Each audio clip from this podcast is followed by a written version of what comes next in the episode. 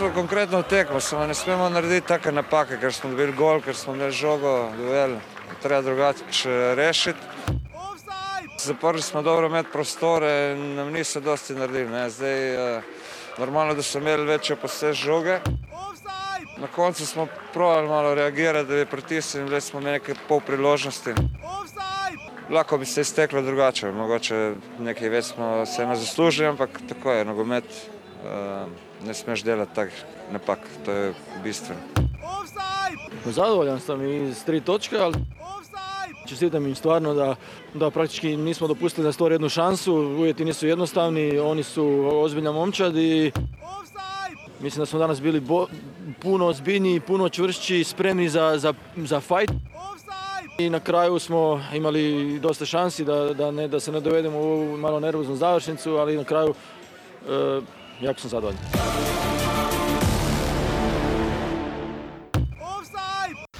Drage offsetke, dragi offsetki, ljubitelice in ljubitelji futbola slovenskega, spoštovane, spoštovani, lepo pozdravljeni v 123. oddaji Offside, oddaji o naši in vaši prvi ligi Telekom Slovenije oziroma o futbalu slovenskem. Uh, najprej lep pozdrav uh, našemu cenjenemu meteorologu, uh, Žigi Kosu, Žiga, lepo pozdravljen. Zdravo. Žiga, kakšno je vreme zunaj trenutno? Trenutno rahlo naletava sneg R- ob uh, nič stopinjah. ob nič stopinjah. Uh, ja, uh, sneg še naprej kroji.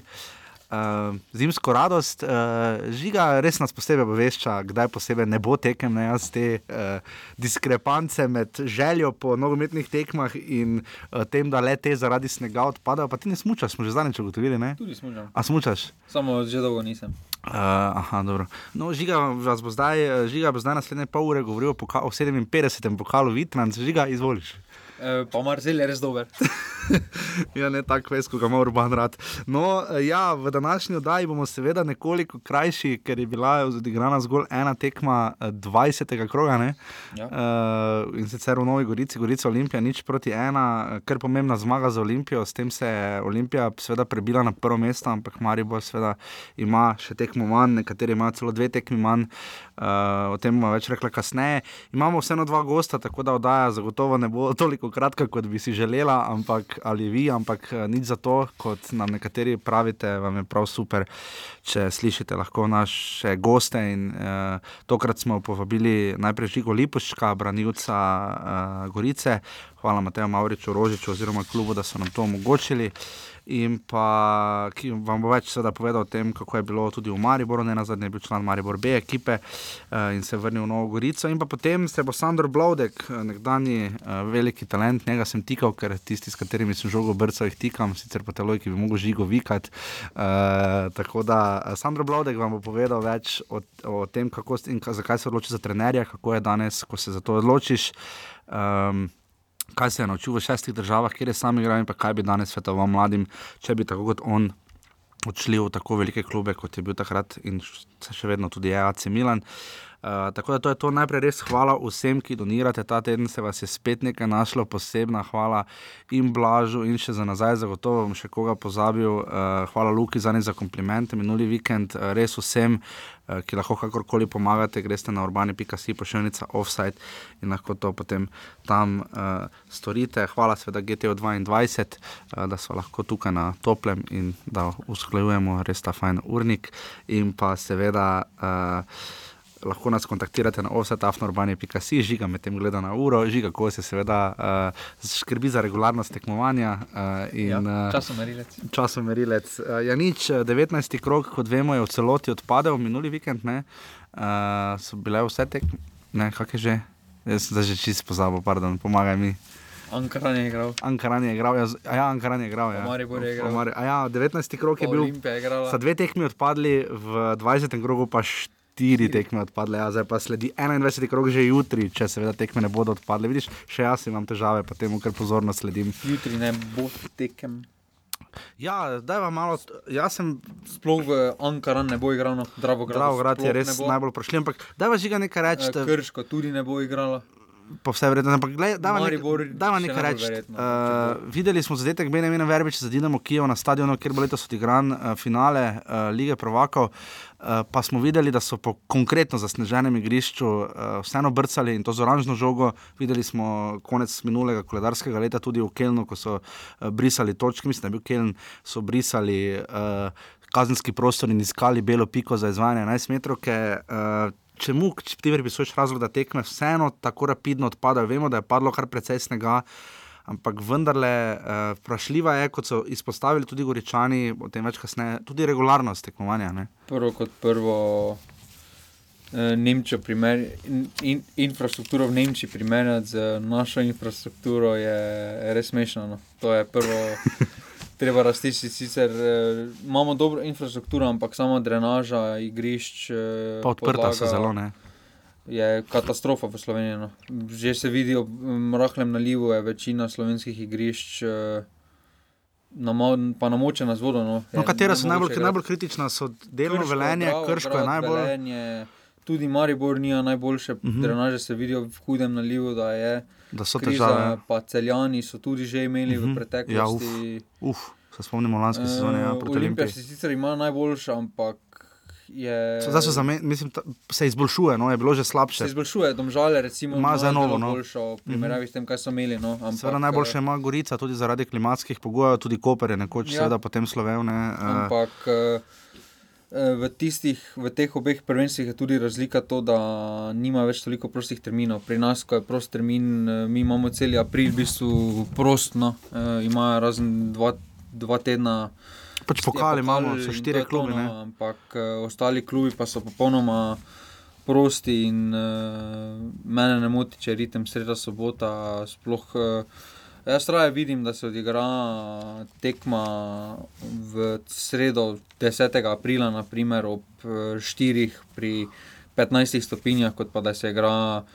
V nedeljo ob eh, treh pri No, minus. tu se jaz 10, no. pa povsem ne strinjam ne, z žiginim Ker se komentarjem. igra na vse zadnje za gledalce. Ja, samo gledaj, tekma, ki je bila predstavljena, pa ta je bila z razlogom, seveda med drugimi tekmami, eh, med kar štirimi, tekma Triglava in Maribora.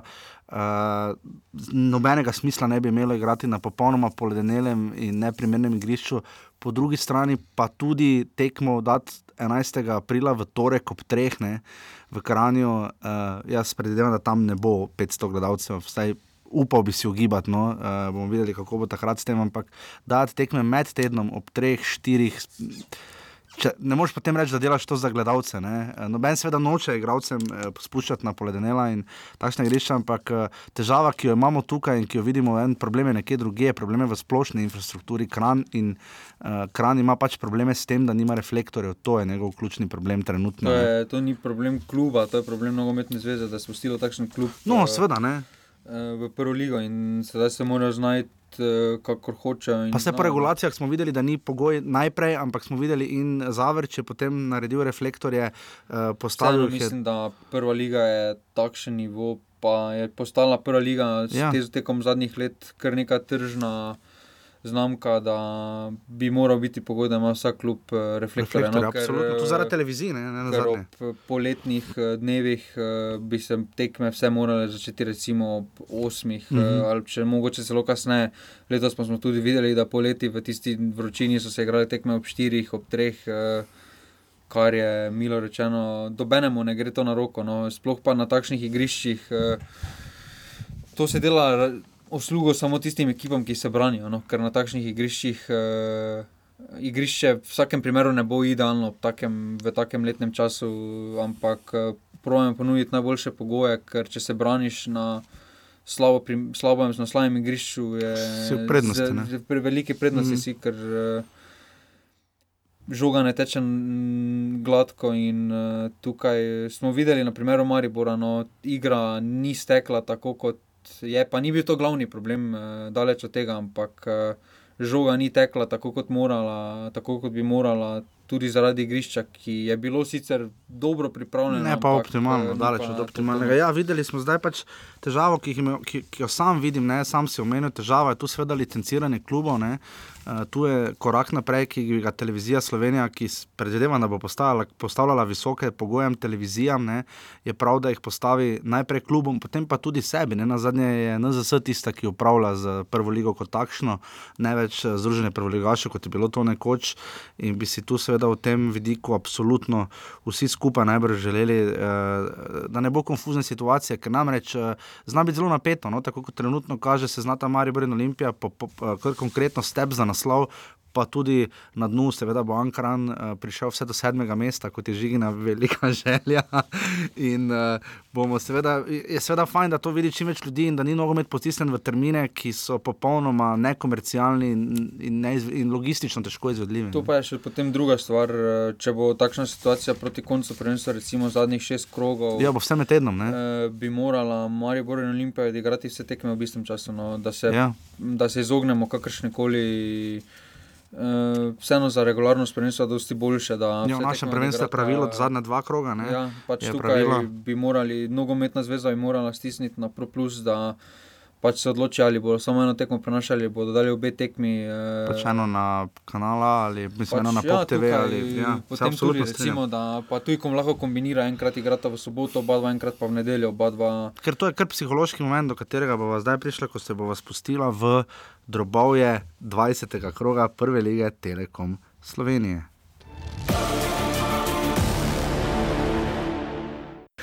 Tako, e, edina odigrana tekma 20. kroga, oziroma drugega kroga, tretje četrtine, je. Kaj pa si napisal, to drugi krok? Uh, je bila odigrana, seveda, v Novi Gorici uh, v nedeljo, torej včeraj.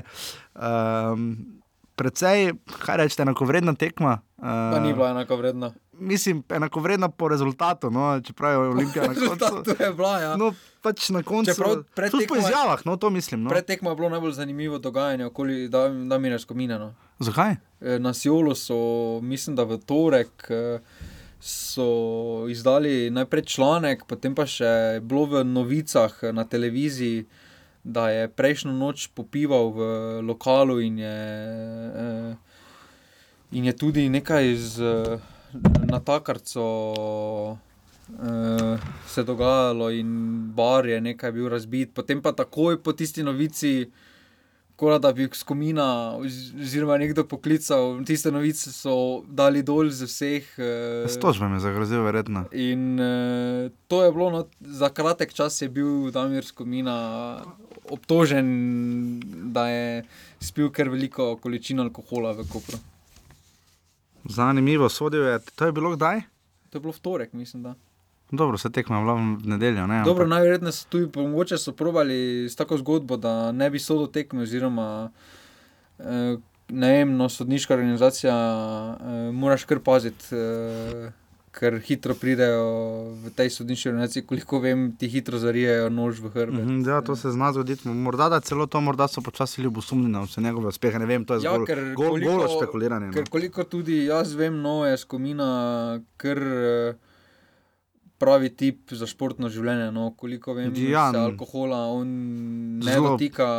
Ja, njegovo telo je njegov kruh, ne, tako da Ja, in veš, da ne res skrbi, no, koliko vem, res skrbi za svoje zdravje in je tudi, glede na to, da je en izmed boljših pripravljenih evropskih sodnikov. Mislim, In da, najbolj tudi med nogometaši v ligi, če bi šli gledati, je vse med top 20 po fizični pripravi. To, moje, Verjetno, vse, če bi ga dali kar med konkurenco prvoligaških nogometašev. treba prvo ligo po- pohvaliti za to tekmo, da so dodali uh, hitmat, hitmape. Ja, za preligi. Kaj je hit mape? Ja, ker se igrali. A ja, hit, jaz ne razumem hit, veš, kaj Nova Gorica na, na uh, igralski uh, konglomerat pomislil. Uh, pardon, uh, ja, vročično mapo, kot bi se temu reklo. Uh, torej, kaj, kaj je pokazala? Ja, premi, premikanje, oziroma ne premikanje igralcev, oziroma omejenost igralcev, da se lahko premikajo samo. Kak se je odrezal Določenih tebi ljub Abbas? Ne, ne bomo, a vas danes. O, ja, bomo si grozil, da bo že govoril o Isahu Abasu. Eh, Gole seveda zadev v eh, 55 minuti, Nathan oduvan. Eh, Tako da eh, je zadev v 55 minuti, po milo rečeno, katastrofalni napaki novogoriške obrambe. Tu je pa lep primer, ko se vidi, eh, da personalno pokrivanje igralcev eh, je super, dokler imaš enako število Tam je eh, branilcev. naredil. no. Tam je Savič res vrhunsko izvrgel iz, vrgel iz igre. Uh, Dajmo najprej pokomentirati, uh, smo že zadnji teden, uh, zdaj lahko pade dokončna odločitev uh, pričeska uh, Stefana Saviča. To tudi ne bom komentiral. Jaz mislim, uh, da, mu, da ga hitrejšega dela na vides. Jaz mislim, da deluje bolj uh, prezentno. To je tako kot pol pogba, ko ima vsake teden drugo Ja, figuro. no, evo, exactly. to smo zdaj malo še pod vplivom Eme in Oskarjev, ampak v vsakem primeru uh, res je dobro našel tam oduvo. Oduva se je malo obotavljal, pri oduvi imaš vedno občutek, ko dobiš žogo tam tudi, ko je motal škarabota ali koga tam ob, ob avtlini. Uh, pri, dobiš občutek, da bo najprej vse vtrgal. Potem se pa rahlo zaplete, tudi tu je imel malo pomisleke, ampak je na koncu žogo kar dobro pospravil. to pa igra, ker igra. No, Je pač slovenski lige, pravim, glede na ja, to, to. okay, jaz mislim, da si letelo na Olimpijo. Ne, pa za slovensko ligo, mislim. Pardon. Uh, ja, se strinjam, ker če bi imel tisto nekaj več, ga tu seveda ne bi gledali. Enako je veljalo lani za Roma Boatenga, ne, uh, ko smo ga gledali v finalu uh, pokala. Um, Kaj reči, Olimpija je Igor Biščan, je najprej pohvalil Biščanu, napredoval je malo tudi v slovenščini, osvojili smo ovaj tri točke. Uh, tu Olimpija se pozna, da se je naučila. No? Ja. Da se je naučila, dobiva take tekme za 1-0. uh, da spomladi ne šteje umetniški vtis, eh, to, kar so lani poskušali, ampak da šteje točke. No. To, kaj uh, Olimpijani največ radi spodnašajo, Mariboru na derbih, uh, da igra bunker, uh, da, igra, da nič ne pokaže, ampak. Nima veze, koliko pokažeš, na koncu eh, tabela pokaže, koliko si pokazal, kaj si pokazal. In uh, letos ta Olimpija je tudi je najbolj zrela za naslov, tudi veliko bolj zrela kot tista Olimpija, ko je osvojila naslov. No, ker tista Olimpija je vseeno osvojila bolj naslov Trenerja menjala. Maribora, ker je imel svoje res in velike interne težave. Se, je imela tudi Olimpija tiste interne težave, ampak Maribor je vseeno bil takrat kvaliteta več. Ta Olimpija pa ima poleg kvalitete, širine kadra, tudi sedaj to Mariboru radi rečemo pragmatičnost. No. Mhm. Moje mnenje je, da je Olimpija, bomo prišli v drobove tekme, ampak Olimpija manj obremenjena z Mariborom trenutno, kot je neki tihi pritisk. Ki si ga je Maribor sam naprtil s prihodom Kreca. Trenutno je ping-pong žogico nabila Olimpija in se mora Maribor reševati z njo. V Ne? bistvu uh, je, pa ne me za narobe razumeti, to je pač okolje takšno, kot je, ker Mhm. pri Mariboru, v Mariboru, če zmaguje Maribor doma. Tri proti nič bodo kritike, zakaj pač ni šel po četrti zadetek. Eh, Maribor je tako okolje. Res, da Maribor ni dal treh golov v ljudskem vrtu, že oho, Ja, ampak pač da bi zmagal s tremi goljami razlike. Maribor je res težko si zadovoljen, tudi takoj po Champions League, ob naslednjem remiju na derbiju so že bile kritike. Uh, Maribor je pač takšno okolje, da je pritisk res velik. No, vse verjamem, da v Olimpiji tudi, ampak eh, v Olimp Mariboru in Olimpiji ustvarja pritisk. Uh, Vodstvo pri Mariboru pa še navijači. tudi javnost, ja. eh, Precej bolj, ja. Tukaj velik, velika večja količina ljudi spremlja Maribor kot Olimpijo pač domače okolje, pravim, in je pritisk veliko večji. To lahko igralci tudi sami občutijo. Igralci Maribora so po porazih redko videni v javnosti, oziroma niso, naj, niso najbolj željani sprehoda po Mariboru, ker vedo, da bodo dobili poglede in tako Mm. dalje, in jim to ne odgovarja, medtem ko v- Ljubljani pač tega ni. No. Ja. Ja. E, nimajo, v, v Ljubljani se pač pozna, da še imajo druge stvari. In, Ja, seveda. eh, Turizem, med drugim. Uh, ja. Žiga, uh, ko smo pri uh, Olimpiji, uh, takrat, ko je imela Olimpija, tako kot Maribor, sedem tekem brez poraza, smo izrazito izpostavljali uh, stabilnost, po eni strani Igorja Biščana. Ampak tudi to, da če naredi menjave, se to ne samo, da se ni, ni, ni nujno, da se toliko ni poznalo, ampak da je ohranil tam mir v ekipi. Zdaj, če primerjamo z tekmo proti celju, vidimo, recimo Benko sploh igral, ni korona veter, je stopil v sklopi, oduva je začel. Uh, Uh, so tu nekatere spremembe, ki jih Biščan, glede na kader, in to je širok, konkurenčen kader, ki jih ima, ne na zadnje tudi vprašanje Golmana je rešil, uh, so stvari, ki jih on očitno izpelje, vsaj na vzven, kot lahko to vidimo mi pred ekrani, zelo umirjeno, zelo sproščeno, brez dram. Pri Mariboru so že malo za iskre, krecu igra, vprašanje ali je pripravljen ali ni, tega, ampak se fokusiramo samo na Olimpijo. Samo to je samo primerjavi, zdaj ko se to primerjava, to je samo zaradi pritiska javnosti, ker se ustvarja vem, pri Mariboru na forumu in podobno, ima vseeno neko težo. Ampak zakaj tega pri Olimpiji ni? Ne? Pri Olimpiji se vidi, da, da te menjave potekajo zelo, zelo gladko, jih Biščan uveljavlja, sistem ima uveljavljen, ampak eh, Uremovič je zdaj recimo gladko spet začel, se tudi mora. Ne? Ko so rezultati, se tega ne omenja. No. Mm. Pač, eh, Če bi Maribor zmagal eh, tekmo proti Aluminiju, se ne bi dobeno vprašanje o Krecu sploh pojavljalo, bi bilo vse mirno. Eh, tukaj pri Olimpiji pa pač trenutno delujejo res stabilno, ampak uh, proti Olimpiji je Maribor, pa tudi domžale so pokazali, kako se morajo zaprstaviti ekipe. Tukaj, če Olimpiji zmaga. Kaj naredila Gorica na robe? No. Kaj naredila Gorica na robe? Ti moraš biti veliko bolj agresiven od Gorice. Prvem času je izgubila zelo veliko enostavnih žog. Uh, tukaj pa moraš stisniti na Čanadžijo in Tomiča, da pristaneta v težavah. Sploh sedaj obrambna vrsta tu več ni tako stabilna, kot je bila z Bajričem.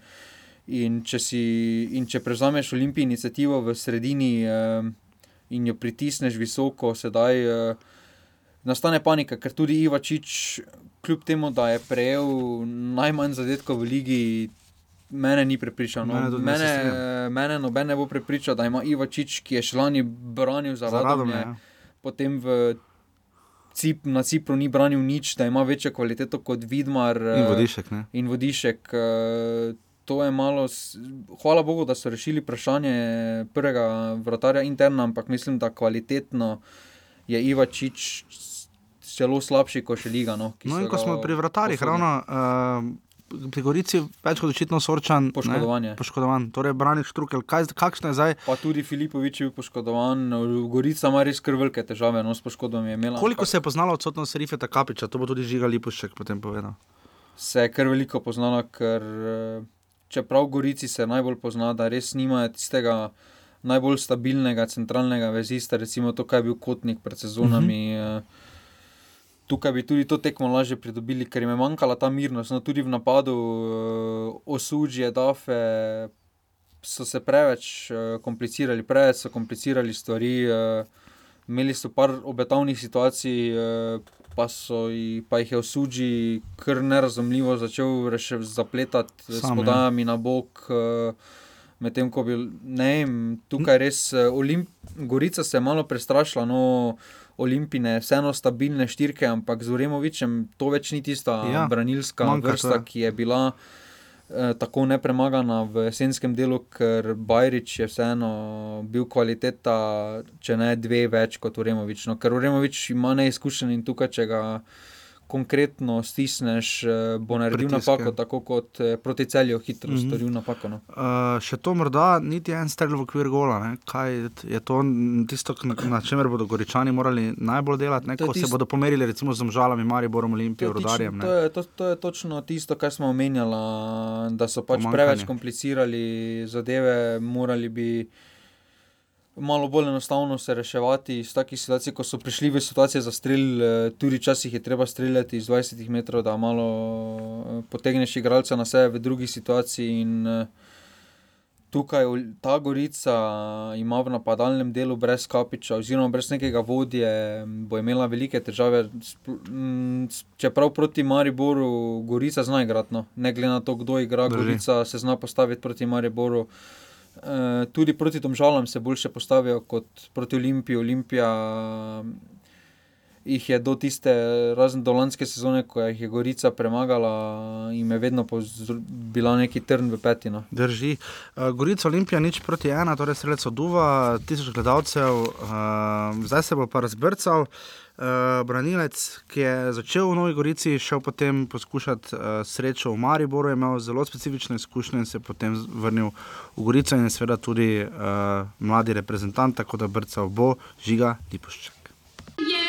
Yeah. jer ja, ja već sumnjam da zbog nogometa samo ti svake nedelje popodne ideš tamo kad je zima ili naj. Tako v čas veselja in ponos nam je, da gostimo uh, branilca uh, nogometnega društva Gorica, ki je imel seveda tudi svoje mariborske izkušnje in pa ne na zadnje člana uh, treh že mladinskih selekcij reprezentanc, na zadnje seveda je igral tudi proti Franciji uh, v tisti specifični tekmi naše mlade izbrane vrste. Gostimo seveda Žigo Lipuška. Žiga, dober dan, dobro jutro, servus. Dober dan. Uh, žiga, um, dajmo najprej na včerajšnjo tekmo, Gorica Olimpija, nič proti ena. Uh, dobro ste se držali, uh, večino tekme bili precej enakovredni, uh, dobro stali na igrišču, ampak potem se zgodi ena taka napaka. Uh, kakšen trener je Miran Srebrnič, uh, ker kolikor ga mi poznamo, je sila, sila umirjen. Kako ste ocenili, kako ste potem predebatirali tisto situacijo včeraj ob golu, ki vas je stal točkne? Uh, ja, kot ste sami rekli, smo, smo jim kar dobro parirali. No. Um, vemo vsi, da smo izgubili zelo pomembnega igralca, um, Rifeta, Kapiča, uh -huh. tako da smo malo oslabljeni, tudi poškodovanih imamo dosti, tako da smo glede na vse smo res uh, jim dobro parirali, po pa nažalost, ko igraš proti tako dobremu nasprotniku, te ponavadi kaznujejo za vsako napako in tako je bilo tudi včeraj. Uh -huh. Ena napakica in uh, smo prijeli gol in na koncu izgubili tekmo. Um, nač, trener je prišel v slačilnico, povedal, da ne damo glave gor, da pač ni konc sveta. Um, in da gremo dalje, že v sredo imamo novo tekmo, tako da ni časa zdaj za neko veliko obžalovanje. Ži, žiga, v kakšno gorico ste se vrnili, ste seveda tam ste uh, začenjali kariero. Uh, v kakšno gorico ste se vrnili lani, izjemna sezona, uh, letos uh, dober evropski začetek, uh, na to pa kar nekaj sprememb, uh, verjetno tudi trenutno mesto na lestvici ni tisto, kar si verjetno v Gorici želijo. Kakšno gorico ste se vrnili? Uh, ja, jaz moram povedati, da se mi zdi, da sem se vrnil v še boljšo gorico, kot je bila takrat. No. Uh -huh. Jaz sem jo nekako zapustil ob, bom rekel, malo, uh, malo slabšem stanju. No. Uh -huh. Vsemu, kako je bilo veliko, takrat je prišla Parma in vse to. Uh -huh. Uh, tako da, ko sem prišel, jaz, no, je bilo že tisto tako za obdobje mimo, tako da pač, jaz sem bil res presenečen, sem prišel v zelo dobro organiziran klub, tako da nimam besed za to. Ste zdaj, ko ste vendarle bili tudi v Mariboru, ne? imeli ste to, zdaj, zdaj ste kar nekaj sezon tam prebili. Uh, Kako, kako je, ko pride igralec, ki je domač fant, ko se vrne, potem, ko je enkrat že bil v Mariboru in je mlad reprezentant, čutite kaj več pričakovan, ali vendar, glede na to, da ste sveda letnik 97 in še vedno precej mladi, uh, vas tukaj uvajajo počasi. Kakšne so pričakovanja do vas in od vas? Ja, tako bom rekel. Jaz si tako imam več ali manj se oziram na svoje pričakovanja, uh -huh. ko so pa kar velika. Tako da sigurno tudi klub um, ima določena pričakovanja, kar je normalno, ne? zato so me tudi pripeljali in zato tudi verjamejo v mene. Tako da zdaj na meni je, da dam vsak trening, vsako tekmo vse od sebe in, in potem bo ok. Ne? Uh -huh. Koliko po, po podobni poti ste šli, recimo kot Jani Cur, ko je šel z Gorice, Tolmin, Maribor Bej, na to vrnitev v Gorico. Uh, vam je dal kakšen nasvet, ste se kaj pogovarjali, kako je recimo s to, vašo, s to izkušnjo njegovo in recimo tudi vašo? Ne? Uh, ja, podobna izkušnja. Uh -huh. ja. uh, vsi vemo, da v Mariboru je malce težje se prebiti um, tam v prvo ekipo in vse to. Tako da tukaj je vseeno malo lažje. Um, in ja, ima podobne izkušnje, ampak tudi tukaj brez, brez dela, brez vsega tega, kar spada v nogometno življenje, uh -huh. tudi tukaj ne more. Moj sovoditelj Žiga je, in vaš soimenjak je zelo dobro opazil dejstvo, da, uh, da ste večinoma v zadnjih letih imeli za trenerja nekoga, ki je bil praktično v svoji lastni karieri na identični poziciji štoperja oziroma v obrambi, tako uh, Muamer Vugdalič kot Darko Milanič in sedaj tudi Miran Srebrnič. Ne, so trije, recimo, ki so na teh pozicijah. Uh, kako je, ko, recimo, koliko, koliko vam to pomaga, ne? koliko so tu na svetu teh trenerjev uh, za, recimo, konkretno za obrambno vrsto? Ne? Ja, to je sigurno plus. Ne. Ti uh Mhm. -huh. lahko uh, trenerji svojih izkušenj, ne vem, v določeni situaciji zelo pomaga, ne, ker je sam tam igral in ti do najmanjše malenkosti ti lahko pove, kako se moraš postaviti, um, kaj lahko pričakuješ -huh. in vse. Tako da to je velik plus. No. Uh -huh. Vi ste, uh, kakšna je ta izkušnja, recimo, za, za tiste, ki morda mlajši poslušajo, pa, pa razmišljajo, ali recimo, če bo še kdaj B ekipe, trenutno je Maribor nima. Ka, kakšna je bila ta vaša izkušnja? Uh, verjetno vam je bilo fejs žal, da ste bili ravno letnik 97, pa ste leta 2014 zamudili Youth Champions League, uh, ampak vendarle igrali ste potem v tretji ligi. Kakšna je bila recimo vaša ta izkušnja iz Maribora B? Aha, uh, samo ena malenkost. Uh, jaz sem tudi igral v Aha. uh, Jut. Ok, v redu, potem je tu moj Champions. so, soimenjak vžiga, vidite, pa smo se mi zmotili, ne vi. Uh, tako da ste, ste igrali, kaj ste se naučili iz, Champions, uh, iz Youth Champions League? Ne?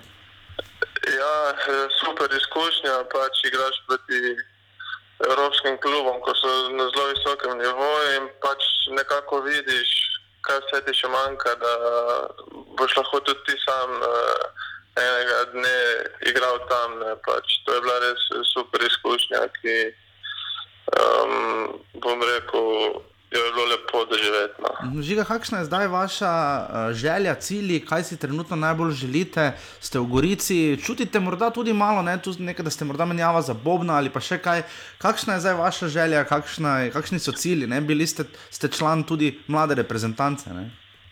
Ja, um, ja, težko je zdaj prav o ciljih govoriti. Pač, um, ponavadi, zdaj, če ti samo si nekaj postaviš, ni tako. Jaz gledam bolj tako, da daš vsak trening, vsako tekmo, kot je ponujeno, vse od sebe. Uh -huh. In potem, če, če si pravi, če dobro igraš in to se potem eh, same opcije naprej odpirajo in tako, in nikoli ne veš, kam te potem zanese ta pot. Žiga, in glede na to, da ste novogoričan, dajte še to povedati, zakaj so terorboji tako neverjetno ustrajni in res pridno hodijo na tekme, tudi uh, na gostovanja. Ne? Ja, jaz bi rekel, da zato, ker imajo res radi ta klub. Uh -huh. e, kot ste rekli, ni važno, kje igramo, kdaj igramo, ali je nedelja. Ne vem, če se spomnite tekme v Kidričevem uh -huh. proti Aluminiju, nedelja. Mhm, se eh, spomnim, da ja. Bila, ne vem, Ob šestih zvečer. Uh -huh. Ja, ja, se spomnim. Ja. Eh, je bilo, ne vem, mislim, da često bojcev so nas prišli podpirati. Um, ne vem, jaz mislim, da jim res ta klub zelo pomeni in da res srcem navijajo za njega in zato jim tudi ni problem uh, priti na vsa ta naša gostovanja in pa tudi na domače tekme. Ja, to je res dosti pomeni, pa res vas sp- poznajo, spodbujajo, tudi uh, osebnega, verjetno stika je kar dosti z navijači v Novi Gorici. Kakšen je ta občutek, ko greste vi recimo po Novi Gorici, pa kje koga srečate? ne? Kak, kako je s tem? Ja, to je zelo prijetno, no. uh Mhm. -huh. vidiš, da, da nekdo ti stoji ob strani. Um, meni je osebno nastal en trenutek, ko sem prvič debitiral tukaj v Gorici. Uh -huh. um, to je bila moja druga tekma uradna, ampak prva pred domačimi gledalci. Uh -huh. uh, zmaga proti Krškem. Uh, sicer sem pa jaz, uh, mi ni šlo najboljše. No. Uh -huh. Pa sem po, po tekmi prišel v bar, ker, so tudi, ker je tudi dosti teror bojcev. Uh -huh. In so me vsi um, pohvalili no, in rekli, da, da sem super igral in da bo bilo vedno boljše. No. Tako da To veliko, prijetno, prijetno je to. No. to veliko pomeni, ne? sploh verjetno tako mlademu igralcu kot ste vi. Ne? Seveda, ja, jaz sem prišel gor, samo upal, da me noben ne bo videl, da grem čim prej domov. Uh, potem, pa, ko sem to doživel, sem se seveda odlično počutil. Ja. Žiga, uh, pa še to povejte, imate to srečo te dni, uh, ta krok je bil odigran samo v Novi Gorici. Uh, ampak vendarle povejte, koliko je primerjava, primerjava med eh, zasneženim igriščem oziroma zelo mrzlim vremenom in pa burjo. Ne? Dajte to primerjavo še malo narediti, koliko, na, koliko osebno vpliva na igranje ali pa na samo taktiko, postavitev, dolge žoge, igranje po tleh, ko piha burja. Ne? Kakšen faktor je burja? Dajte nam opisati, ker pač to najboljše poznate. Ja, jaz mislim, da burja je najbolj moteč dejavnik pri nogometu. No. Uh -huh. Uh -huh. um, Dež in vse to, vse to ni problem, ampak bure je pa res dolge podaje. Ne pride v poštev, ker jih veter nosi žogo sem in tja. Uh -huh. um, potem eh, komunikacija je slabljena. Um, tako da veter je res en tak dejavnik, no, ko najbolj onemogoče igranje nogometa. No, upamo, da bomo videli čim več lepega nogometa še naprej od uh, nogometnega društva Gorica. Uh, Žiga, najlepša hvala, da ste bili uh, naš gost v Offsideu in res čim več, čim več uh, uspehov še naprej in hvala, da ste si vzeli čas. Najlepša hvala tudi vam. Hvala. Adijo, lep dan, čau. Adijo. Jer ja, jer ja, ja već sumnjam da zbog nogometa samo ti svake nedelje popodne ideš tamo kad Hvala, Žigi Lipoš, ko smo se danes kar dopoledne lovili in je na koncu si res utrgal čas. Res hvala in hvala nogometnemu društvu Gorica. Upam, da bomo našli še koga za prihodnji teden. Uh, združili, ta teden ne bova delala, boh ne da oddaje, ker ne vemo, trenutno to je ponedeljek, ko snemamo oddajo 5. marec. Uh, Seveda je 21. krok že na sporedu uh, ta teden, ampak bomo potem združili v naslednji teden, ko bo da trajala verjetno 3 ure. Uh, če bodo vse tekme odigrane, uh, bomo videli, kako bomo v najboljšem primeru. Naslednjič bom, ja, dava kar povedati. Olimpija bo ziger. Okay, najprej gremo po vrsti. Najprej jutri ob 14. uri. Te tekme ne bo. Ankaran dom žale, Ankaran ima trenutno uh, še dobro, da so odigrali tisto za ostalo tekmo, če ne imeli že tri tekme manj, ne, da so odigrali za ostalo tekmo z aluminijem, imajo seveda uh, tekmo manj. In, To je uh, treba povedati, no tukaj se regularnost prvenstva, Ja, zelo. Goričani, se res postavlja pod vprašanje, no, ker če Ankaran te tekme ne odigra, že s temi kartoni se to, recimo, naredi razliko. Re, Ankaran bi prejšnjem krogu pogrešal uh, Delgado, ki je pomemben člen njihove ekipi proti neposrednemu konkurentu za obstanek, potem v predstavljeni tekmi Ja. bo igral. Recimo. še bolj jaz vidim pa tu težavo, recimo za klub kot je Domžale, ki še sploh niso igrali. ne. Žale, rudar, Rudar, eh, krško, krško, še niso nič še- odigrali. Še no, niso to niti ene je- tekme, to je ključni To je problem, velika ki ga težava, vidimo. posebej tudi recimo za domžale. Čez en teden mi pozabljamo, ampak je Maribor domžale. Maribor Domžale, ja, ki bi In, njim že eh, fejs igralo. Ne, je res pa, predvsem je bolj kot izostanek samih tekem, je pomankanje tekem kot takih, ker ni pripravljenih tekem, trenutno več nobenih planiranih bilo. Ne. In tukaj eh, nogometna zveza je pač morala. Preprosto, če štiri tekme odpadejo, tudi peta mora odpasti. No, tudi če so tam Ja. pogoji zaradi regularnosti prvenstva, mora odpasti. Ravno zaradi teh premikanj eh, forme. ja. In, Ne rečem, strinjam. ne rečem tistega kroga, ki so ga na 19. ki so ga na silo spravili, ampak sedaj 20. krog. Eh, pa če so štiri tekme bile odpovedane zaradi vremenskih pogojev, na petem je- so bila prizorišča, pač tudi treba Pač potrebno predstaviti, no, ker eh, Olimpija recimo igra naprej normalno prvenstvo, mm. da se ni nič zgodilo in eh, ne gre toliko za psihološki moment. ampak za fizični, eh, ne, ja, formi so, pač ritem imajo in to Tu je tekmovalni ritem, naredi veliko razliko. Pa Absolutno. verjamem, da Olimpija ima pokal tudi potem, ampak eh, so tudi drugi prosti termini. To Ankaran ima na voljo treninge ne? v domačem okolju. Ankaranom žale, torej jutri ob 14. uri, upamo, da tekma bo ob 16. uri. Ta potem- tekma zihe, ne bom drago. Po mojem tudi ne, ampak ob 16. uri Maribor udar, ta tekma za dosti kidanja in šauflanja, verjetno bo. Če bo, če bo res v, čez noč tolika, to, to, tolikšna količina snega v Mariboru, kot je napoveduje, torej 20 cm v 6 urah, potem tekme v torek ne bo, ker talno gretje ni to, to da ga žgeš, pa se Pa pa potem na sneg prijema. ne, ampak je zato, da ko je malo snega, se stoli. Se bo talno gretje ti omogoča, da tla ne zamrzne, ampak v takšni količini snega sneg bo in potem eh, tudi če skida vse. So v torek napovedane čez dan eh, kar obsežne padavine, no, deževne sicer, dež, mm. ampak eh, vprašanje, v kakšnem stanju bo igrišče. Jutrišnja tekma, upam, da ne boste pretirano to za nazaj poslušali, ker vem, da v torek in sredo najbolj poslušate offside. Krško tri glav, kar pomembna tekma. Ta tekma tudi ne bo. Ob 18. uri. Krško ima tako ali tako že eno izmed slabših igrišč v prvi ligi. Potem v sredo ob š- o 16. uri celje Gorica. Ta, Ta- tekma, ta tekma bi pa že znala biti, biti, ker se bo vreme precej spremenilo in uh, tudi zelo zanimiva tekma. Tu recimo Obojni- tudi za celjane. Sedaj igrajo z neposrednim konkurentom, Tekmecem, ja. Požek Vancaš bi na prejšnji tekmi moral In bi manjkati. zdaj igral, ne? bi zdaj igral in bi imeli najboljše igralce. In je proti Olimpiji kar izpostavljal, bil izpostavljen. Mislim, bil je res. Ja, pač igralec, ne. sedaj pa ga na tej tekmi pri neposrednem ja. konkurentu ne bo. No. In potem Ol- Olimpija, Aluminij ob 18. uri. Ta Uh, tekma pa zagotovo bo. ta tekma zagotovo bo, tekme ta teden ne, Ne bo, morejo. eh, n- pri Olimpiji pa ne bo abo. Abasa. Ja. Tako da bomo imeli malo mirno tekmo. Uh, torej, to je res. Uh, tekme seveda ne morejo biti uh, v, recimo v Mariboru, Celju ali uh, k, uh, tudi v Krškem.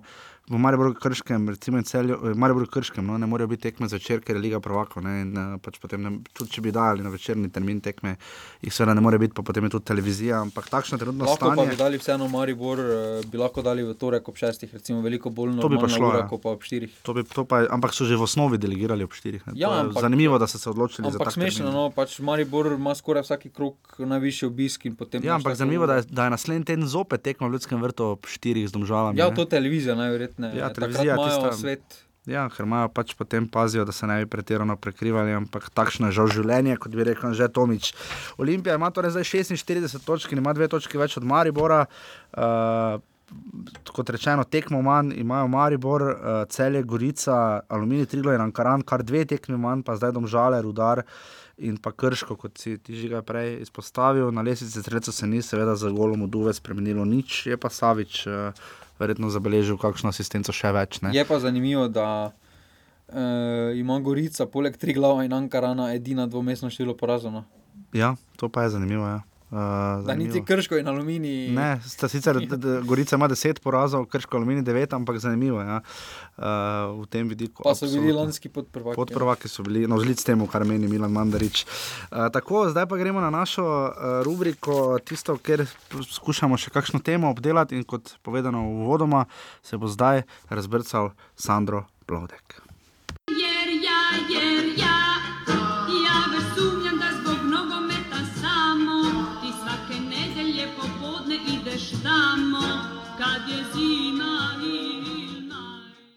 Tako v čas veselja in ponos nam je, da gostimo uh, Sandra Blodka, uh, enega tistih, ki jih uh, v vodaji uh, ne morem, da skoraj da, da jih ne bi tikal, uh, če proti nekomu ali za nekom brcneš tu pa tam žogo, se to tudi spodobi. Sandro Blodek je.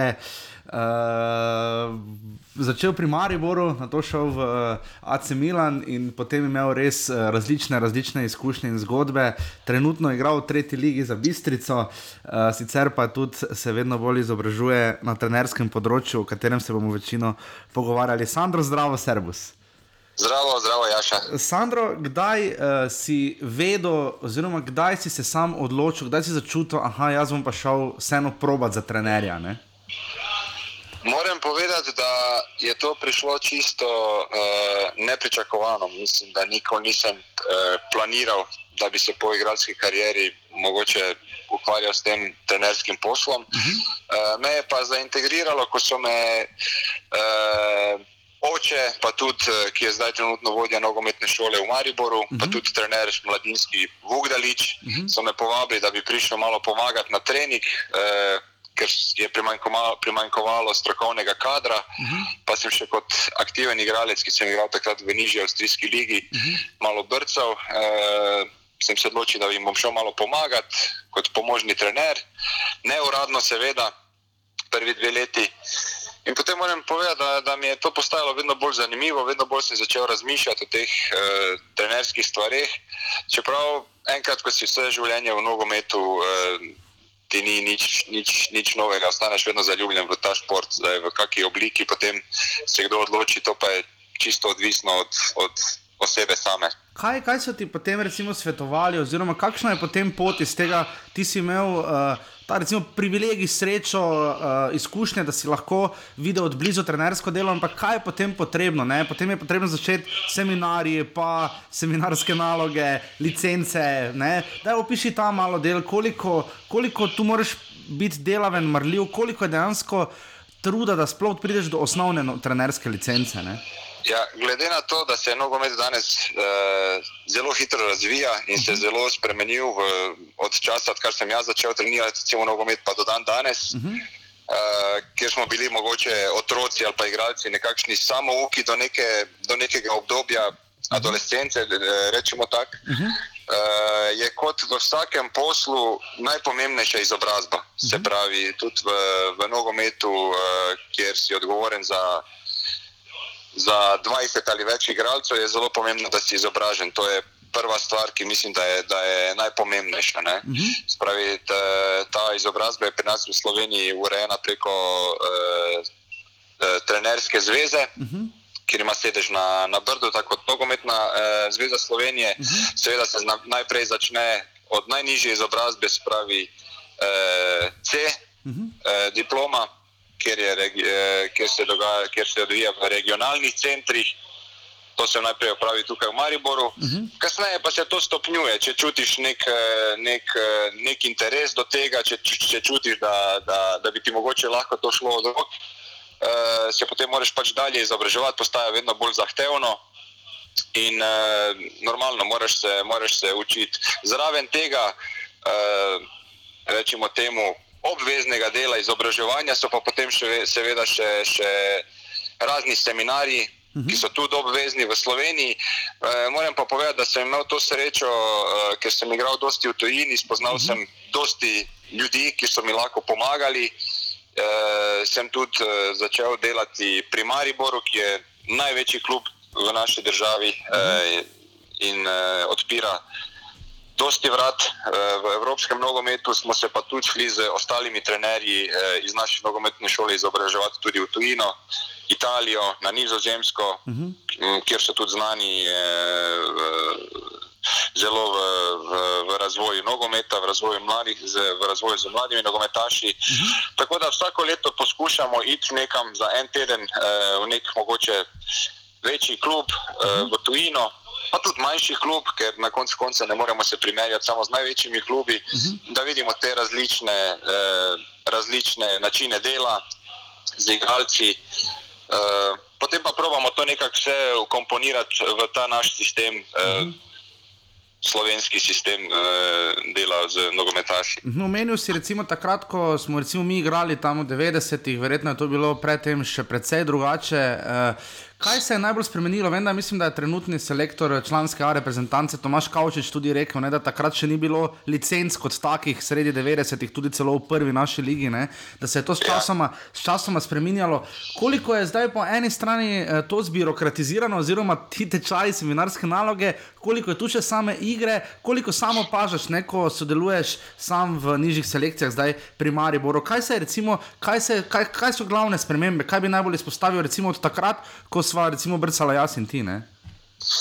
Moram povedati, da se je zelo uh, spremenil način odraščanja otrok. Se pravi, zdaj je zelo pomembna v trenerski izobrazbi ta metodologija, uh -huh. da se otroke postopoma uči uh -huh. uh, uvajanja v nogomet. Uh, se pravi, zdaj nekatere nogometne šole začenjajo že s selekcijami U7, se pravi, to so šest let stari otroci. Imamo tudi nekaj otroških uh, vrtcev, uh -huh. pri nas v Mariboru, recimo najbolj znan otroški nogometni vrtec Marinka Galiča, uh -huh. našega bivšega reprezentanta in legende Enka Maribora. Uh -huh. uh, se pravi, otroci vedno mlajši uh, začenjajo za to nekakšno organizirano vadbo. Uh, jaz osebno, recimo, sem začel trenirati komaj pri 11 letih. Uh -huh. Na železničarju, čisto slučajno, zaradi tega, ker so vsi moji sošolci pač nekje trenirali, so igrali tekme in se to tudi meni zdelo zanimivo in sem pač šel trenirati. Nisem pa se niti zavedal, da sem v bistvu vso osnovno rečemo temu nogometno izobrazbo si že pridobil na dvorišču od vem, 6. leta do 11. leta. Danes Tako, bi, bi mislim, bilo danes, je... Sandro, bi bilo danes pri 11 letih prepozno začeti nogomet vrcati, organizirano kot trening? Ne?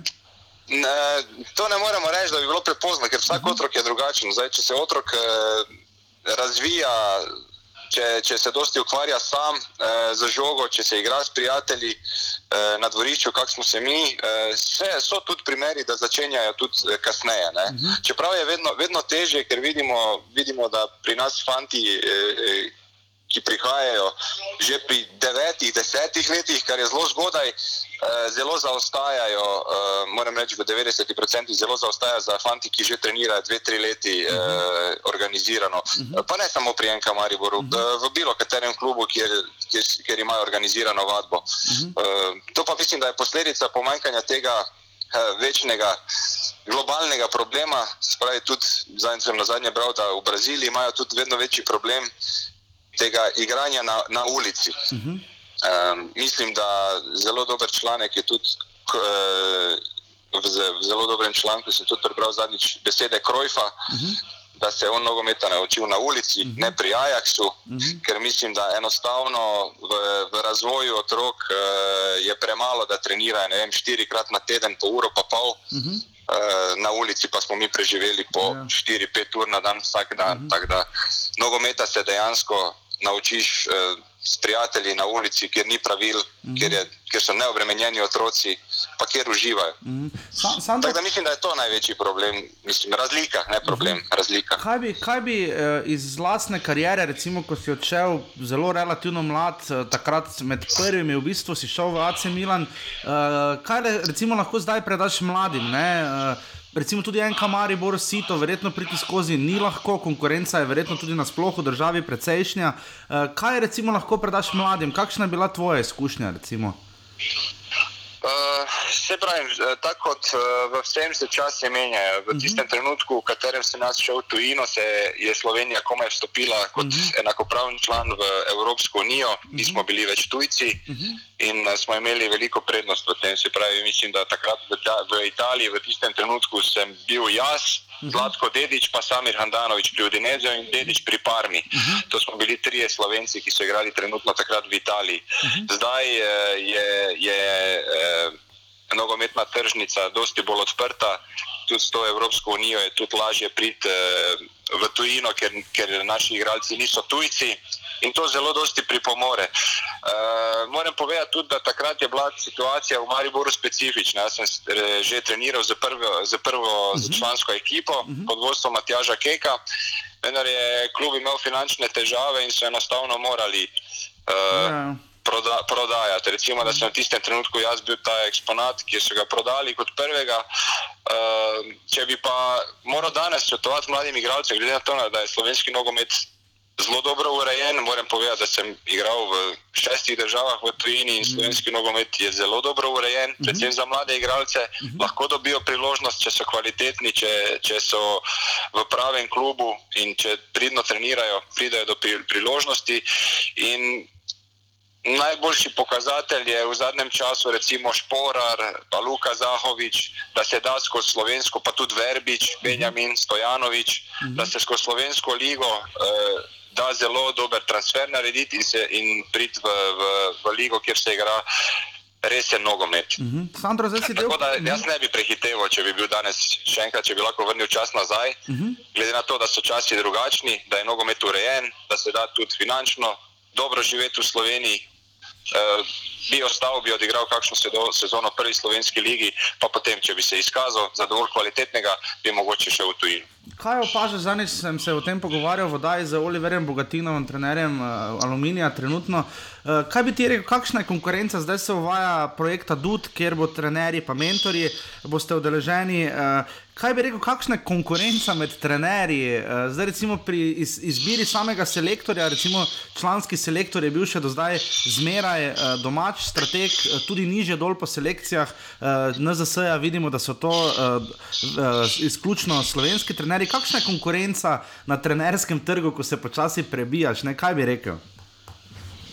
Pa, koliko sem zdaj uspel uh, spoznati, v zadnjih treh letih so slovenski trenerji zelo dobro informirani, uh -huh. uh, zelo izobraženi, dosti tudi mladih trenerov. Uh -huh. Pa imamo nek zanimiv miks tudi z, z izkušenimi trenerji, ki tem mladim trenerom lahko pomagajo. Se pravi, uh, Evropa je odprta, izob, če imaš kakšno dobro poznanstvo, se da tudi uh, izobraževati v tujini. Uh, tako da mislim, da, da prihodnost uh, slovenskih trenerov je, je svetla. Uh, moram reči, da tudi v tem programu, v katerega sem vključen, pa tudi v šolanju na Brdu uh, pod vodstvom uh, Braneta Elznarja, uh -huh. uh, je šolanje zelo kvalitetno, uh, dosti se naučiš uh, in komaj ko greš na ta šolanja, vidiš, da je trenerski posel čist drugačen od uh, igralskega. Mm -hmm. uh, tu, je treba, tu je treba to razliko razumeti. Ni dovolj, da si igral na vrhunskem nivoju, da bi lahko bil vrhunski trener. Vse vidimo v svetu je tudi uh, nekaj izjem, da, da tudi igralci, ki niso igrali na, na vrhunskem nivoju, so zelo dobri trenerji. Da, mm -hmm. To sta dve različni stvari in mislim, da brez izobrazbe in brez uh, konstantnega izobraževanja. Uh, je težko, težko postati zelo dober trener. Uh -huh. uh, trenerje, katere sem pa spoznal v Sloveniji, pa moram povedati, da, da ni eh, nekakšne velike razlike s trenerji v tujini. Uh -huh. eh, enostavno, mogoče, v tujini, eh, mogoče trenerji v tujini imajo eh, več sredstev, uh -huh. eh, več, več, več kadra za pomoč kar pa je normalno, ker smo mi majhna država in pač ne moremo vlagati uh, toliko v, v šport kot nekatere večje evropske države. Mhm, morda še to povej, rekel si, da je slovenski nogomet dobro urejen, da si igral v šestih državah, Belgija, Nizozemska, Avstrija, Hrvaška, Bosna in Italija. Uh, kaj bi rekel, kaj, kaj točno to pomeni dobro urejenost? Kaj je tisto, na kar smo lahko ponosni, kje je še prostor za izboljšave? Kaj vidiš, recimo, ko delaš, ne na zadnje pa tudi igraš v tretji ligi uh, za Bistrico? Ne? Ja, ja. Uh, mislim, da je naša največja prednost uh, v primerjavi z republikami iz, iz bivše Jugoslavije uh, zelo dobra infrastruktura. Spravi, v tej regiji, recimo, da so v nogometu vodilni Hrvati, pa zelo zaostajajo za nami uh, v infrastrukturi. Spravi, naši otroci imajo zelo dobre pogoje, ne glede na to, da bi vsi radi se primerjali vem, z, z nemškimi angliškimi klubi, to enostavno ni realno. Uh mhm. -huh. Mislim, da pa da pogoji, v katerih delujemo danes, se pravi, in naši mladi igralci, in trenerji, so pogoji na, na, na visokem nivoju. Normalno lahko še vedno napredujemo, v, predvsem v, v izobrazbi, lahko se še več izobražujemo, uh -huh. um, da bi imeli še več strokovnega kadra. Ker še enkrat povdarjam, mislim, da je izobrazba v, v, v, in v življenju, in predvsem v športu zelo pomembna. Brez, brez izobrazbe nekaj delati na blef je, je zelo težko danes. Tako da mislim, da. Pogoji, eh, infrastruktura so v zadnjih letih v Sloveniji se zelo poboljšali. Uh -huh. e, moram izpostaviti Maribor, moram izpostaviti Koper, ima -huh. zelo dobre pogoje uh -huh. za delo, Domžale, uh -huh. e, tudi odlični pogoji, pa tudi nekateri drugi klubi, da zdaj ne, ne ja, pozabim ne nekoga. Koga, ja. Ima zelo dobre pogoje za delo. Uh -huh. Spravim, lahko pa, lahko pa vedno uh, poboljšamo v, v izobrazbi in v, v načinu dela, da bi napredovali. In za konec nam še to pove, Sandro. Uh, zakaj je Dravograd nepremagljiv v tretji ligi uh, Sever? pa, dobro, Dravograd je naš tradicionalni klub, klub, ki je igral tudi v, v prvi ligi uh mhm. -huh. nekaj let. Moram povedati, da, z, da jim zelo pomaga tudi to, da se. Uh, Robert Koren, uh mhm, -huh, vrnil v ja. Dravograd, ki jim pomaga tudi v, v sektorju mladinske nogometne šole, uh, vključil se je tudi v, v, v delo za prvo ekipo, tudi igra kot vsi vemo, Robi je en naših najboljših nogometašov uh mhm. -huh. skozi vso zgodovino samostojne Slovenije. Tako da Dravograd je vedno imel eno dobro bazo. Uh, uh, Koroška regija je vedno dala dobre igralce, mm -hmm. tako da mislim, da nekako to, da so malo oddaljeni od vseh, pa lahko bazirajo igralce iz te svoje domače baze, iz te svojega domačega okolja, imajo nek mir, imajo urejen klub, vedno so dobro delali in mislim, da trenutno je to največja razlika med, med njimi in ostalimi klubi v.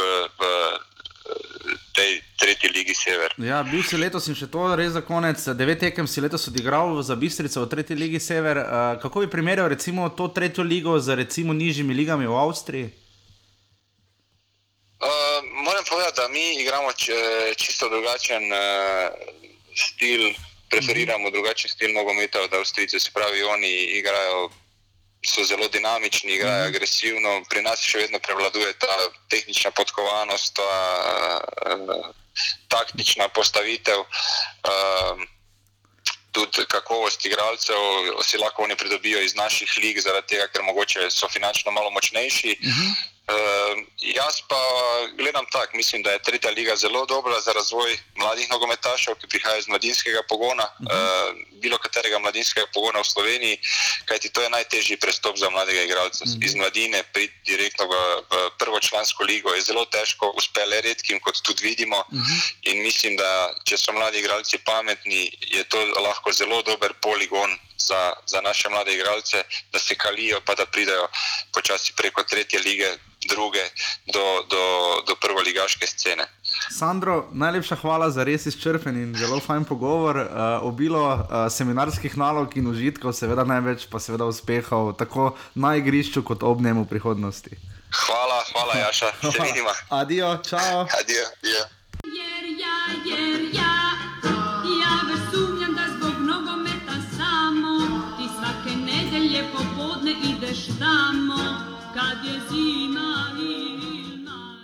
Hvala, Sandro Blavtku, uh, za to, da si odtrgal čas. Upam, da bomo res našli še koga, kakšne predloge še zagotovo imamo mi, lahko pa vse ostale pošljete na offsetafnourbani.si. Um, in še končnih pet. Uh, prva je, seveda, dvakrat imamo Aleksandra Kreca na začetku. Um, Popularen mož. popularen mož. Prva je ta, da je postal romunski reprezentant. To Uh, mislim, da je. zasluga. To je, to je organiziran kriminal iz Beograda. Aha, okay, dobro, okay, to je res huda obtožba. Ampak eh, ja, Aleksandr Kreca je postal ne slovenski reprezentant, kot, so, kot je napovedal Ranko Stojič. Ne? Ja, zdaj ne more več biti Zdaj slovenski reprezentant. Ja, ne more igrati. Ali je že, ko si poklican, to pa, Pa mislim, da bo tak in tak dobil minute. No. Eno Ja. minuto bo si her dobil, da si ga zagotovijo. Okay. Aleksandr Kreco dvakrat v sredo bo odločalo se nekaj. Ja, ob eh, pol šestih eh, je zasedanje Kaj prenos? pritožbene komisije. Mislim, da bo tako kot Hago, ko so brali arbitražo. Ja, sem- potem, ja, torej, eni celo sedeli tam, eni pa ne. to. Ker tam tudi enih ni bilo. ne. Uh, bomo videli, kaj bo. Ne, eh, pač dokončno. Olimpija se je pritožila, kot, kot vemo. Ja. Ja. Takrat se bo dokončno nogometna zveza povedala svojo odločitev. Dobro, Mislim, da tukaj ne bi smelo biti vprašanja, no, sploh Lahko- ja ali ne. No. Lahko se pa na zunanje inštitucije seveda še pritožijo. ne. Uh, če, imeli, če, so, če so tako prepričani v svoj pravno, uh, bi se sprve pritožili na sodišče. No, če se je res kršilo neki interni, drugam, strinjam, interni dokument ali pa pogodba, tukaj mislim, da tudi sami vedo, da so po domače povedano, Mhm. da jih je Maribor okoli prinesel, oziroma agent bolj. Agent kot Zenka Maribor je. Uh, tretja novica, Robert Berič, uh, ti si njegov veliki fan, uh, kaj je novega? Zabija kot po tekočem traku. Ja, kako pa gre njegovemu klubu, Standardenu? E, sedaj, ko on zabija, se mu gre boljše. No, super. Čeprav jih je ta vikend uh, stal v dveh točk, bi lahko zlobni jeziki rekli, ker je zgrešil 11 metrov. Ja. In so igrali samo 2-2, ampak oba zadetka je dosegel on. No, No, vidimo, eh, da prvi postaja žal. uh, prvi reprezentančni napadalec, postaja no, iz vidika, da gledamo počasi proti 23. marcu. Že prej uh, je bil po kvaliteti, ni bilo vprašanja. Ja, no, ampak se nikakor ni znašel, ne? Ja, ni se znašel, sedaj pa z tem uh, novim trenerom, ki ga je tudi poklical nazaj iz Anderlehta. Uh -huh. Je našel in je zabil že pet zadetkov za Sandetjen, uh, Ja. ja. kar je kar lepa številka, Ja. ja. sploh glede na to, da je odigral, mislim, da sedem tekem sedaj in ima pet zadetkov, kar je za napadalca v francoski ligi, za neki Sandetjen, ki ni najbolj pri vrhu, ki ne zabija po, kot po tekočem traku. eh, Vrhunsko tudi med napadalci je odigral v celi sezoni, pač tisto predposojo, še ima, mislim, da devet tekem, eh, pa pet zadetkov. Uh -huh. Medtem ko tisti napadalec, ki je bil vse čas v Sandetenu, mm -hmm. ima št- 21 tekem, pa, pa 6 zadetkov. ja. Absolutno, to iz vidika, seveda. Da, Pa eh, špuk, špuk je tudi že bil. Š- Šporar je dal gol, ja. uh, razveselil se ga je brutalno, sicer tam mislim, da. Obajrič je pa dobil prvi rumeni karton v slovaškem No, prvenstvu. vidiš, uh, tako da ja, Šporar se je res. Sedaj so razvesel- samo 9 točk za prvim mestom. No, ampak se je pa res razveselil Šporar zadetka, to je lepo videti. No. Uh, Glede na to, kakšen komentar je dal eh, njegov nasprotnik prejšnji teden, eh, bi se jaz tudi kar razveselil. ja, to smo pa nekaj brali o tem, ja, o obnašanju in o principih. Ja, to, to, Dobro. Uh, Benjamin Verbič je tudi zabil. Um, Ja, presenetljivo, da z glavo zabil. Z glavo, ja, ni pretirano uh, najboljši v tej. Uh, Ja, za Elementa. njega, za njega tisti, da, če bi rekel, bi glava bila na dnu. No. no, evo, uh, Ampak eh, glede na vložek eh, Dinama Kijeva, je No, no, časno, da zabije. Pri Benjaminu Verbiču je nekaj fascinantno, da kadarkoli menja klub, oziroma prije v sredino, se zelo, zelo hitro adaptira in hitro pride opozoriti na Pa sebe. to mislim, da ni uh, samo pri njemu. Kvalitetni igralci se hitro znajdejo v sredinah. No, ampak eh, imamo naše igralce, tudi reprezentančne, ki pa imajo s tem težave. Ne? Ja, če nimaš kvalitete, se ne moreš znajti. No. ja, Recimo samo Bohar. kvaliteta je avtomatsko predvidena, zatem ko igraš, pustim Dimjan in Damjana Boharja. Kaj ti je Bohar naredil v reprezentanci, omogočil ti je Ligo prvakov? No, Mislim, da sem jim mogoče lige to ne, ampak Ampak v vsakem primeru, uh, ja, vidimo, da se je Benjamin Verbič res izrazito uh, znašel. Eh, 23. marca je gre Ja, če, pomladitev, če gremo v pomladitev, bo Verbič mora dobiti. Ne gre za pomladitev, Ne, Verbič je pač, že dovolj star, ne, da, da dobi eh, ne. novo, neko večjo vlogo. Mislim, da je. Verbič eh, prvi za Jojotom, eh, ki bo dobil kreativno, eh, kreativno svobodo v tej reprezentanci. Ja. Kampl ne more dobiti takšne, ker vseeno ni, ni to. Je, je kvalitetno, ampak ima drugačne kvalitete kot ima ta Jojo, pa verbično. Ja, slovenska reprezentanca bo igrala seveda najprej 23. eh, marca v celovcu z Avstrijo na prijateljskem obračunu, na to sledi še eh, 27. marca v Ljubljani obračun za Belorusijo. Je pa zanimivo, kako se je razpletla zgodba Ber- Verbiča. Če bi takrat eh, v tisti ligi prvakov po zimi prestopil res Maribor, po mojem, Ja. bi še sedaj vedno brcal za Maribor. Verjetno bi, ja. po vsej verjetnosti bi. Uh, ali pa bi ga res prodali za nek velik denar, pa, ali pa ne, vprašanje. Ne, Mogoče bi ga sedaj po zimi prodali, ampak do zdaj ziger ne bi šel. Blaža na- vrhovca, recimo, ki je tudi bil reprezentant, ne na zadnje, pa vidimo, da ima zdaj Vse bo on težave. reprezentant. težave Čeprav z- zdaj v romunskem tantu je res težko, no, ker Romunija vseeno više na FIFA ne To je res. eh, Prej si menil Josipa Iličiča, Josipa Iličiča je seveda tekma, tako kot vse včerajšnje tekme eh, v vseh italijanskih tekmovanjih, je seveda tekma odpadla. Njegov eh, bivši kapetan. Ja, kapetan, s katerim se skupaj igrala ta video, Story je um, žalostno preminil, uh, res. Um, težko je to brati, uh, še teže spremljati. Um, Je pa izjemna gesta italijanske nogometne zveze. No. ja, Da so pač preprosto vse tekme, vse tudi odpovedali, ja. Milanski derbi, ki vemo, kaj Ja. pomeni Italiji, so preprosto predstavili in tu res poklonno. Videli smo tudi na eh, derbiju v Španiji, ne, kjer je Jan Oblak eh, dobil zadetek Lionela Mesija, se seveda tudi poklonil. To je mogel braniti. Strani zadetek. To celo bi se o tem gre. Ampak eh, ja, Jan Oblak je dobil zadetek, ampak res lepo, da so se v Italiji tako temu poklonili, so stvari, ki so seveda pomembnejše kot futbal. Um, in upamo, um, upamo, da bodo predvsem razlogi, zakaj do tega prihaja, čim boljše in čim prej raziskani, ker je tega zdaj pa res že uh, kar ogromno. No. Ja, napori so v profesionalnem športu, v vseh športih ja. eh, takšni. Zanimivo je, da je spal, ne, da je bil v hotelski sobi, ni bil na igrišču. Ni Ja, bil, pa ni ne. problem. Uh, s, mm, ne vem, uh, se ni problem samo, da so napori v Na igrišču. ja. na pač pri Mhm. članih, ampak napori se začnejo sedaj že v Mhm. Kar v nižjih kategorijah. Si, če si, on je bil pri tej starosti že več kot 20 let, pet v ta šport, eh, v te napore. eh, Psihološke, eh, tudi pritiski, tako da tukaj res.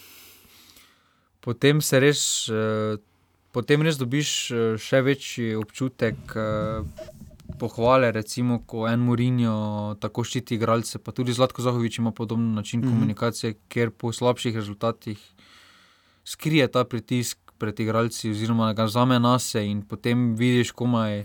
S kakšnim pritiskom še, še mora šele, recimo, Ja. en Murinjo obadati, uh, ki po vsaki tekmi, kjer United ne zmaga, reče neko bedarijo in je potem on uh, cel teden uh, po zobeh. No.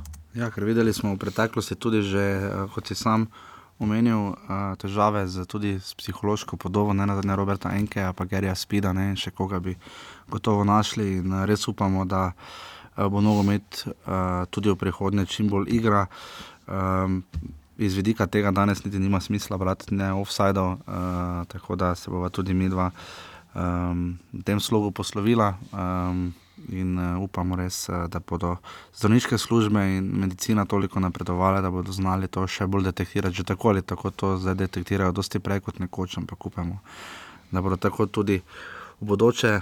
Tako da um, bova tokrat, um, mi da pa postila za konec, tako da se znajdete v offsajdu. Hvala, Hvala. adijo. Adijo.